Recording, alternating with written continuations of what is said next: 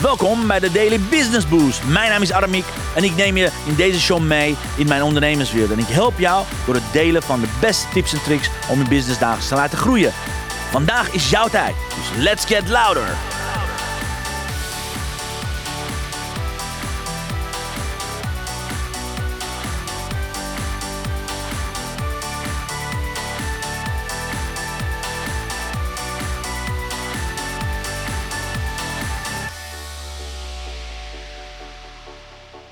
Ja, dit is grappig hè? Ik dacht, ik zeg nog niks. Ja, ze Kijken dachten- of eh, de mensen misschien denken dat het weer alleen Aramex is. Ja, want ik heb al gezegd, eh, dat, dat gaan we gewoon niet doen, want dit is veel te leuk. En je merkt het, we zitten meteen in het verhaal. We zitten op Ja. pagina 71. Ja, En ik denk dat het gewoon makkelijkst is als je gewoon lekker doorgaat. Want we ik ga de lekker door, want we moeten even... Ik zal hem even erbij zetten voor je. Ja, je weet je Dus eh, pagina knallen. 71 bovenaan. Yes. Here comes Sita. Ga je Oké. Nou, waar waren we? Oh ja. Oh, eh, hallo, Er werd op de paneeldeuren geklopt. Daar vandaag. zei ik. Ja. Ja. Want ze was in gedachten. En toen werd er op de paneeldeuren... Nee, de paneeldeuren werden opengeschoven. Aha. En de lange, bruine gestalte van Gor, George, Gor, George. George, Georg Hofman. Georg, Gork. Weet je dat ik niet eens meer weet welk ik die naam al dus heel vaak gehoord heb in het luisterboek? Hoe die, Hoe ze daar die naam zeggen. dit is een Duits, dus het kan eh, net zo goed Georg zijn. Want George is met een E erachter.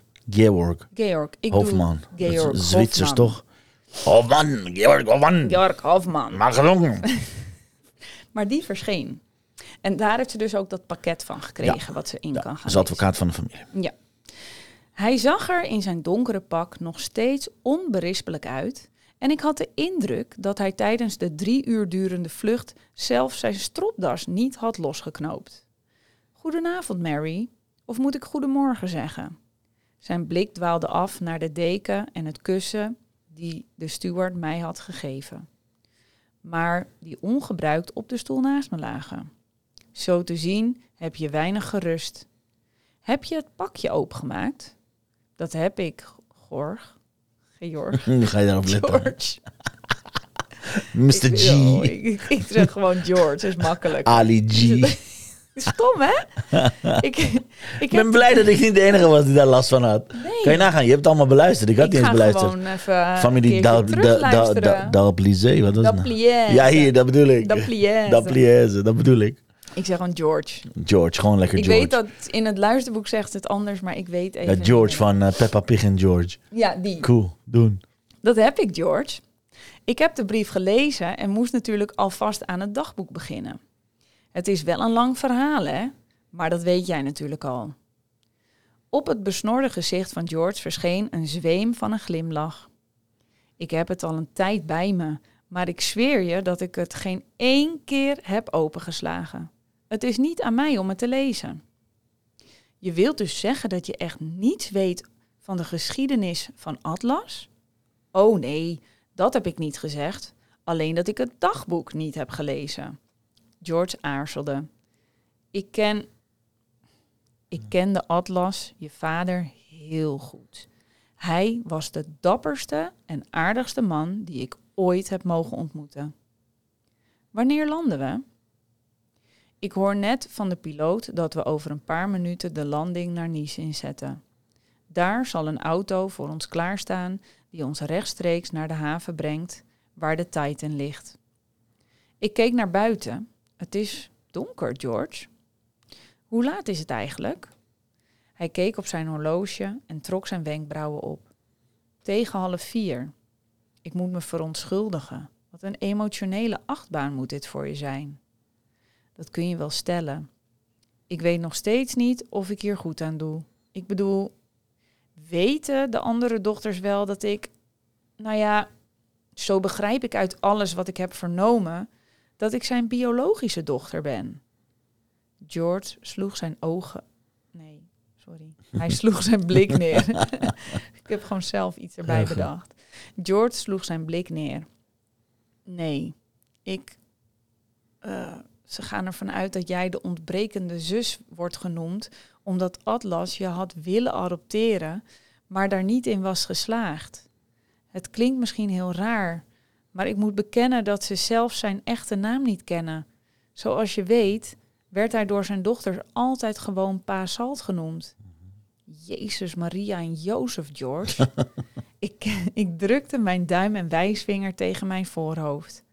Hoewel ik me wel kan herinneren dat Tiggy een, het anagram had opgelost toen ik haar ha- ontmoette. Ik keek George weer aan. Dat is vast een van hen, zei ik met een vleugje sarcasme. George knikte. Je moet niet vergeten, Mary, dat je vader mijn opdrachtgever was. Ik heb hem bijna mijn hele leven gekend en beschouwde hem als een dierbare vriend. Maar het is mijn plicht om ook na zijn dood zijn instructies op te volgen. En toch schijn je alles over me te weten, George. Je wist waar je me kon vinden. Je weet dat ik kennelijk van Atlas afstam. En jij zegt dat dit allemaal pas in de afgelopen weken ontdekt is? Ik. Ja, keek George ongemakkelijk. Dus als je bekend, bedenkt dat Atlas al een jaar dood is, waar haalde jij dan al die informatie vandaan? Wie heeft jou verteld over de ring waarmee ik ben gevonden? De vermoeidheid en frustraties van de afgelopen weken begonnen hun tol te eisen. En hoe zit het met het Argideen, eh, eh, Arge- Argedine House? Zo moet ik het uitspreken. Hoe zit het met Argedine House? Hoe heb je ontdekt dat ik daar ben geboren? George pakte zijn pochet en diepte en depte... Jemig, ik ben, ik ben echt lekker op dreef Heerlijk, gewoon lekker doen. en depte zijn voorhoofd. Mary, dat zijn uitstekende vragen. En ik beloof je dat ze ooit beantwoord zullen Precies. worden, maar niet door mij. Ik vond dat geen erg bevredigend antwoord. Met alle respect voor de zussen.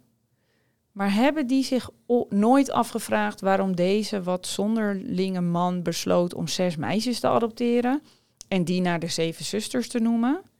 En waarom hun achternaam? Dapliaise. Een anagram, anagram van Pleiades is. Oh, die had ik echt gewoon. Dat, dit is echt de eerste keer dat ik die nu. Ja? Ja, Ja, die had ik had ik meteen. nog niet bedacht. Ja, ja, ja, ja. Jongen, Want jongen. Pleiades In was... het laatste boek pas. Ja, Nou, lekker helder typeje ben ik. Atlas en Pleiades, hè? Ja, vader ja, moeder. Atlas wist ik wel, maar... Oh, tuurlijk. Ja, Nou, papa heet Atlas, mama heet oh. Pleiades. De Ja. zeven zusters. En je hebt in Atlantis, dus dat Ja, is het land van Atlas. Ja.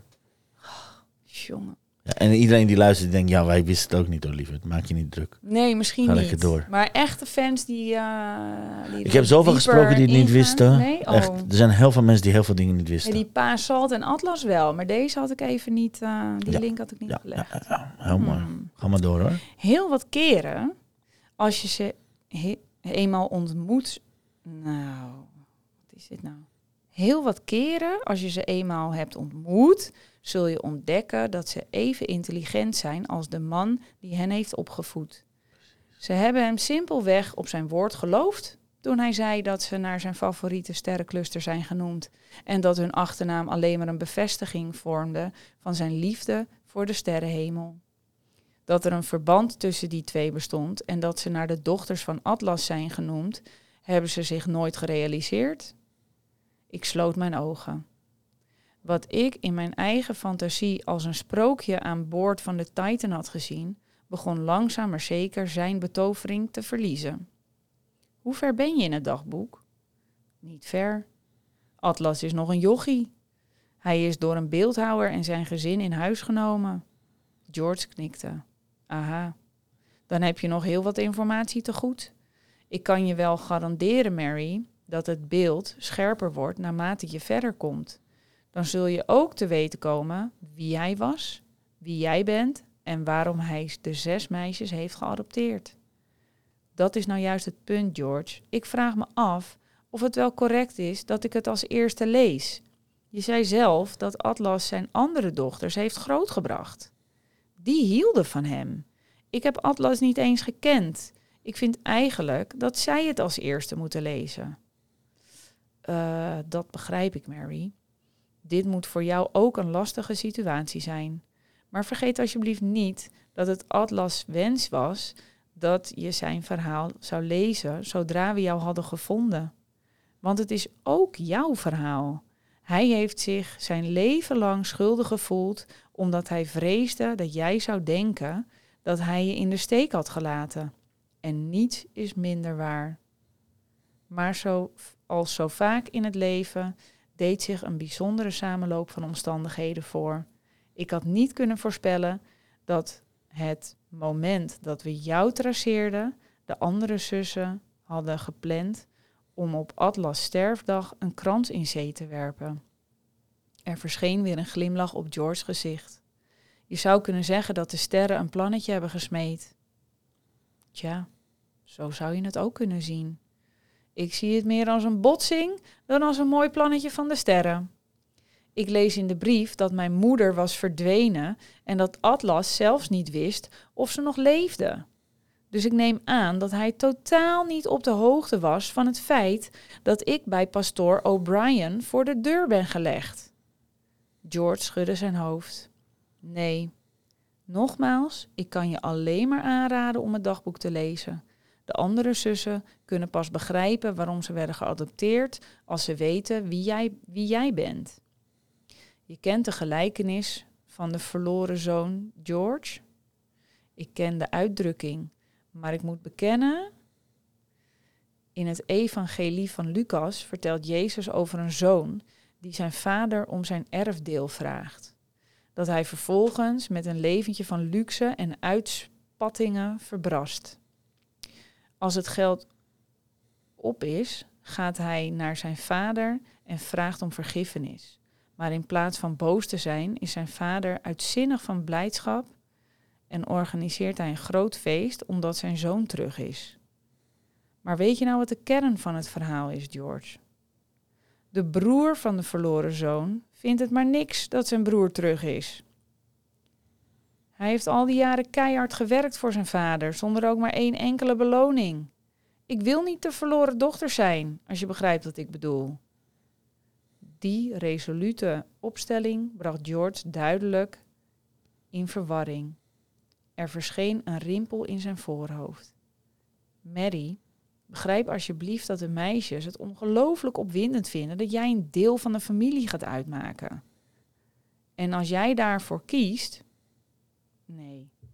En als jij daarvoor kiest. Oké, ik denk dat het tijd is om even uh, af te ronden. Ik ben helemaal in het verhaal, jongen.